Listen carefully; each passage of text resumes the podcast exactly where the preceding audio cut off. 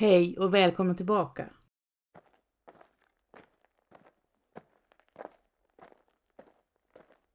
Karl Linnaeus tilldelas ett stipendium av Vetenskapsakademin för att göra en forskningsresa till Lappland.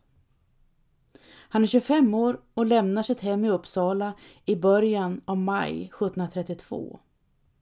Under hela resan gör han noggranna anteckningar.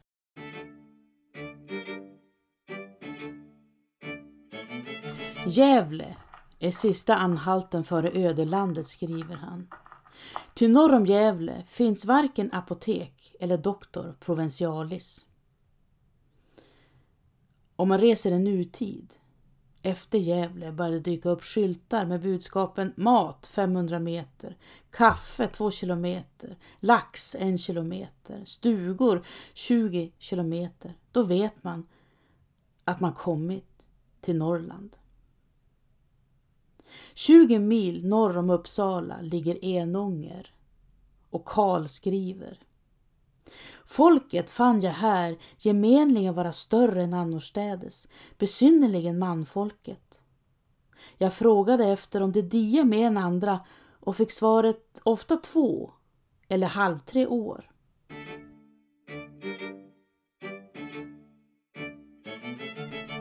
Resan går med häst och vagn eller båt eller till fots. Och efter 40 mil är Karl Linnaeus framme i Docksta norr om Härnösand. Ligger jämte vägen ett högt berg, Skuleberget kallas, utefter vilken var en krypta. Jag hade lust att gå dit, men folket sa att det var omöjligt. Jag fick med stor möda några karar med mig, som i visa skulle, vi klev upp för klipporna, kröp, masade och drog oss fram. Nu åter nerför igen, ty ingen väg gavs längre. Äntligen, helt utmattade, nådde vi upp till hålet, som var mitt i berget. Här fann jag inget annat än ett hus i berget, gjord som en rundel eller ett valv. Hundra år tidigare bodde ett rövarband i grottan. Britta berättar.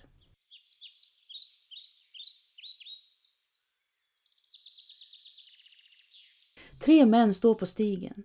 Jag känner inte igen någon av dem och kryper snabbt ihop till en korusa. Männen är gråklädda, i hosor och tunikor, i grådaskigt som mor skulle säga. Jag har inte sett någon av dem tidigare. Förmodligen ska jag inte fundera över det i vanliga fall, men nu kan jag inte avgöra om det tillhör den goda världen eller om det kommer från skugglandet. En av dem håller i en säck. Han lyfter upp någonting glimmande och vickar på huvudet. Nåja, värre kunde det vara, säger han. Den tredje mannen tar sig för käken och pillar i skägget. Vi måste fortsätta, det är inte så långt kvar nu. Vad väntar ni på? Kom nu, för Herrens hundar. Ja, ja, jag måste bara skita först, säger den mörke mannen och kliver ut i mossan. Till min stora fasa sätter han sig på huk, bara några alnar från mig och jag vänder bort ansiktet. Stanken. Den stanken. Får magen att protestera vilt och jag håller andan. Det här händer inte, försöker jag lugna ner mig med. Jag inbillar mig bara och snart, snart är allt som vanligt igen. Men vad har vi här? Handen om en överarm är grövre och starkare än fars, men saknar ursinne. Snåren rasslar och fågelvingar lyfter när skriket rusar ur min strupe och räddast av alla blir nog jag. Mannen som sket sitter på knä och griper efter min skuldra. Underligt nog ser han inte rädd ut. Tyst jäntunge, fräser han. Det var ett satans liv på dig. Han ropar efter det andra. Kom hit, jag har hittat någonting. Grova skor genom slyn. Männens återkalleliga steg ekar mellan tinningarna. Nej men så näpet, ropar mannen med säcken. Vi kan säkert sälja henne också. Lägg ner henne bara. Han pekar på säcken. Jag vill skrika igen, men förmår bara darra och vrålet förvandlas till en flämtning. Mannen, den store och grove, som håller i mig, har tunga trötta ögonlock. Varför ligger hon här? Upprepar den tredje mannen. Männens huvuden bildar en ring ovanför mig. Ja, varför ligger du där? Rövarna i Höga berget, tänker jag. Om en stund kommer jag att kokas till kvällsmat och skälpas över på ett fat medan smöret rinner ut efter min rygg. Skrattet studsar ogenerat mellan trästammarna medan jag krymper ihop och blir allt mindre. Om jag vore hemma nu skulle jag nog rymma sin mors fingerborg. Jag kastar ett par blickar åt sidorna. Nej, här har jag aldrig varit tidigare. Det är hål i skon, ropar Trapp med säcken. Titta! Den har spruckit mitt över. Pinnar till elden, bryter Trull in. Pinnar och pinnar, det räcker nog, fräser Trapp med säcken.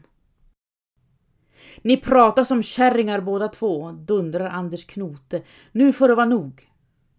Kvinnfolk, smackar Trapp med säcken. Han tar sig om skrevet och blundar. Men Anders rövare struntar i honom och fortsätter obesvärad att gå. Snart är det marknad i Anundsjö. Då får du säkert smaka någonting av den varan, mumlar han. Trapp håller handen om skrevet och utstöter små stönande ljud. Mhm, låter det som. Det är för äckliga, båda två, Trapp och Trull. Med ens är det som jag lånat kråkans ögon och ser allt uppifrån. Tre män och en liten flicka rör sig in i skogen. De är så små, så väldigt små, att träden sluter sig obarmhärtiga runt dem. Aj! Nu är det den tredje mannen, Trull, som ropar. Aj, aj, satans tandjävel! Rövar-Anders mullrar som ett oväder och jag hukar mig på hästryggen. Inte nu igen, fräser han till Trull. Kom ihåg vad jag har sagt. Tanden trillar ut när den är mogen. Då slutar den att verka. Så är det bara. Satans tandjävel. Rövar-Anders hesa andetag känns konstigt nog trygga. Skärp dig Lasse, ropar Rövar-Anders. Jag drar ut tandjäveln åt dig när vi är tillbaka. Aldrig, svarar Trull. Om så hela käften svartnar så rör du mig inte. Anders börjar skratta. Skyll dig själv då. Anders och Lasse, Lasse den tredje, kung Lasse av Rövarskogen vänder sig om och tittar förbi mig bakåt genom träden. Per! ropar han. Kom hit för satan, vi har inte hela dagen på oss. Anders, Lasse och Per. Per tar ett fastare tag om säcken och börjar springa. Jag är hungrig, gnäller han. Det är vi alla, svarar Anders. Finns det någonting att äta då? Ni gnölar som två äggsjuka kärringar, fräser Knote. Nu får det vara slut på det.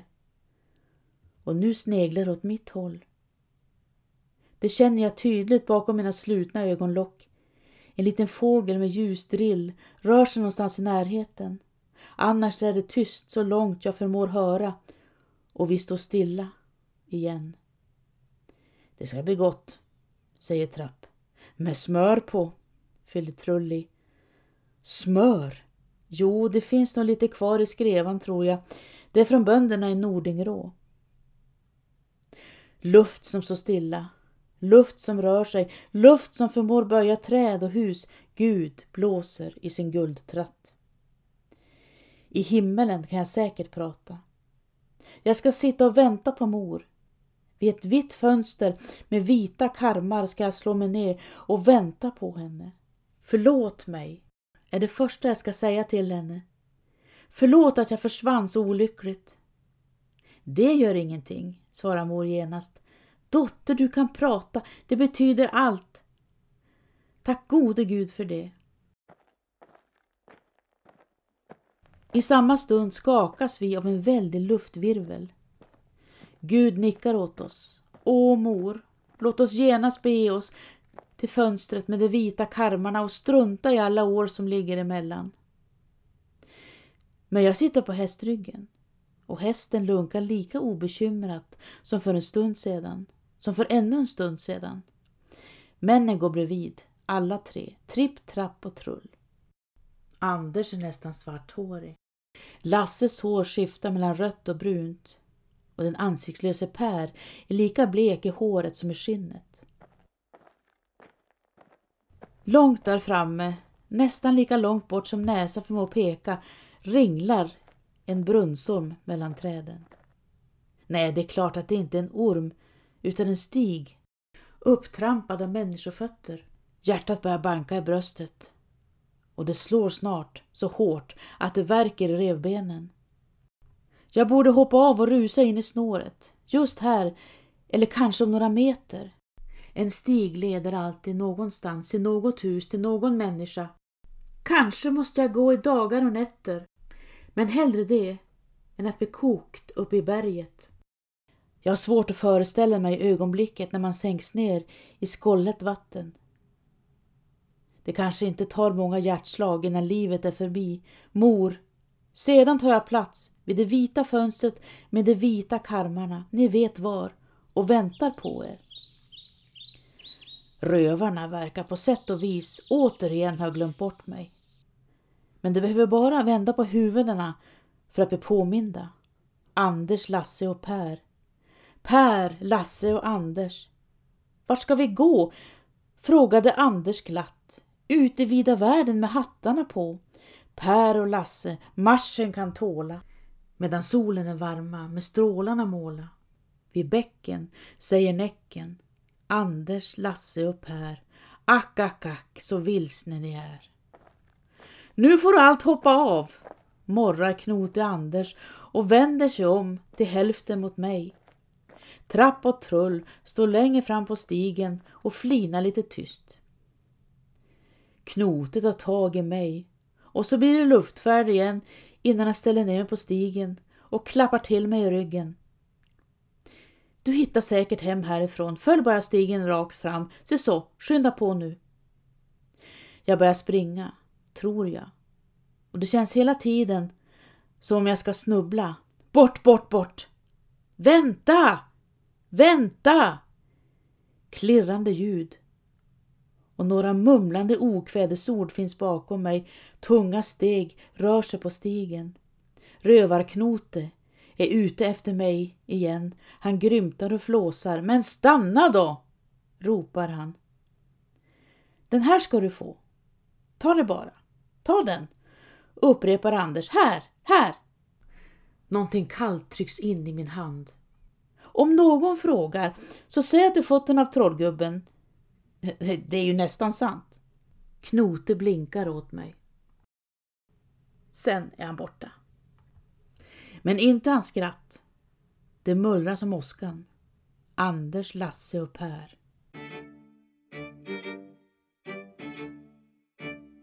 Karl Linnaeus fortsätter upp för Norrlandskusten och den 23 juni stannar han till i Nordmaling, fem mil söder om Umeå. Den natten vilade jag ut i Nordmaling, skriver han i sina anteckningar. Karl hälsar på sin forne elev och gode vän Peter Artedi som förestår en surbrunn just här. Männen gör också ett besök på gästgiveriet i Levar och välkomnas av gästgivaren Erik Levander och hans dotter Barbro.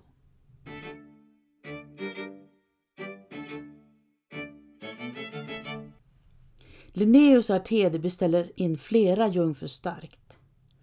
Barbro, säger far, du får servera dem. Det går en stöt genom henne. Måste jag? Barbro vänder sig om och viskar till mor som finns i himmelen. Mor, säger hon så tyst hon kan. Har mor inte pratat med far ännu? Karl Linnaeus ögon är stora och bruna och det står en odör av jord runt honom. Ögonen är glansiga och starkt. Barbro känner allt igen det. Hon tittar genast bort. Besvikelsen är tom. Just det. Utan någonting. Linnaeus och Artedi beter sig som andra manfolk. Det är varken bättre eller sämre när suparna runnit ner genom deras strupar. Lika lätt som hos fylletrattarna häromkring i trakten. Barbro sneglar bort mot far. Mor, mumlar hon, ni måste skynda er att tala med far. Men mor är upptagen av annat. Jag såg nog hur männen stirrade på dig, säger mor. På mig? svarar Barbro. Ja, på dig. Hur då?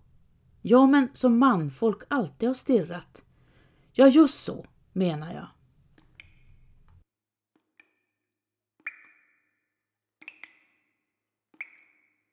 Om tre år kommer Peder Ateri att drulla ner i Amsterdams kanaler, säger Sancho Panza. Det är kanske sista gången som det ses. Möjligen, svarade Don Quixote. Det är tur att man inte vet någonting om sin egen framtid.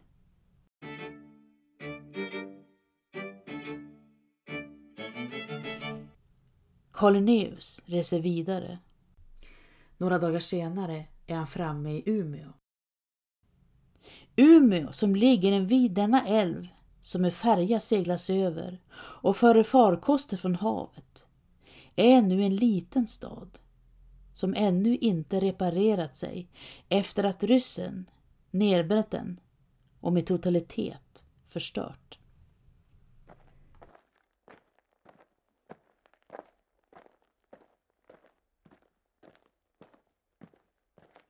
I höjd med Umeå viker Karl Linnaeus av mot inlandet. Han passerar Lycksele och tar sig till en punkt där bebyggelsen upphör. Ume flod, sade lapparna, taga sin begynnelse i fjällen, en mil från Norska havet. Ingen bebyggelse finns här ovanför. Manfolken sov helt nakna med renskinn. Män och kvinnor blygs inte att stiga upp nakna. Lappar supa gärna brännvin. Kräftor och loppor finns inte i lappmarken. Karl Linnaeus är fascinerad och storögd inför allt han ser och upplever och filtrerar intrycken, precis som alla gör, genom sitt eget filter i sin egen tid.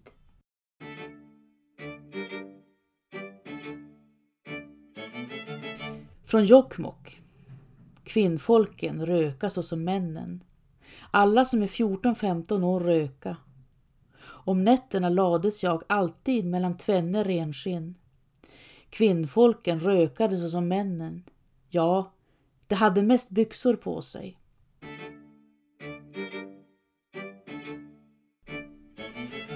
Och från norska gränsen. Ute i lappmarken såg jag inga flugor, men så snart jag kommit till Norge voro de överflödiga i tusental. Däremot är det ganska många myggen helt borta.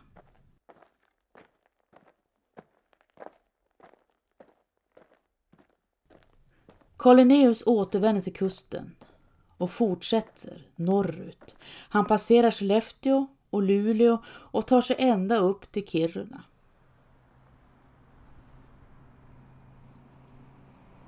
Don Quixote och Sancho Panza bilar till Kiruna.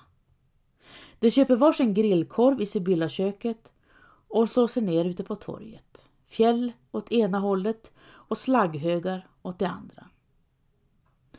Sancho Panza plockar upp telefonen och slår numret till vännen Peter som är barnfödd i Kiruna men som inte varit i Kiruna, inte ens på besök, på många år. Hej! Nu är vi i Kiruna! hojtar Sancho Panza glatt. Det blir tyst i luren. Hallå! försöker Sancho Panza. Peter, hallå, är du där? Hallå! Vad fan gör ni i Kiruna? ropar Peter i andra ändan. Sancho Panza tittar på Don Quixote och lägger ner telefonen. Ja, vad gör vi här? Men Sancho, vi reser Linnés fotspår vet du väl och nu är det dags för hemfärd.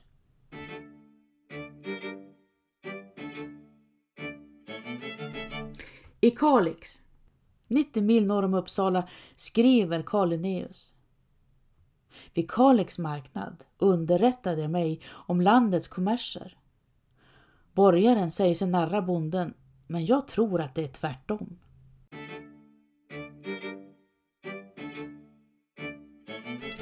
Återresan går längs finska västkusten, förbi Vasa och Mariehamn och till sist över Ålands hav. Den 11 oktober skriver Karl Linnaeus. Kom jag lyckligen fram till Uppsala omkring klockan ett på dagen.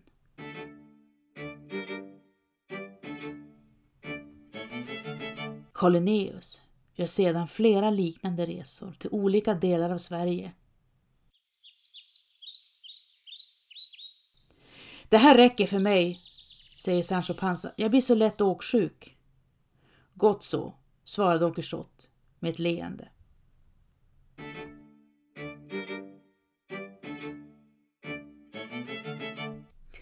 Det var allt för idag. Tack för att ni lyssnat.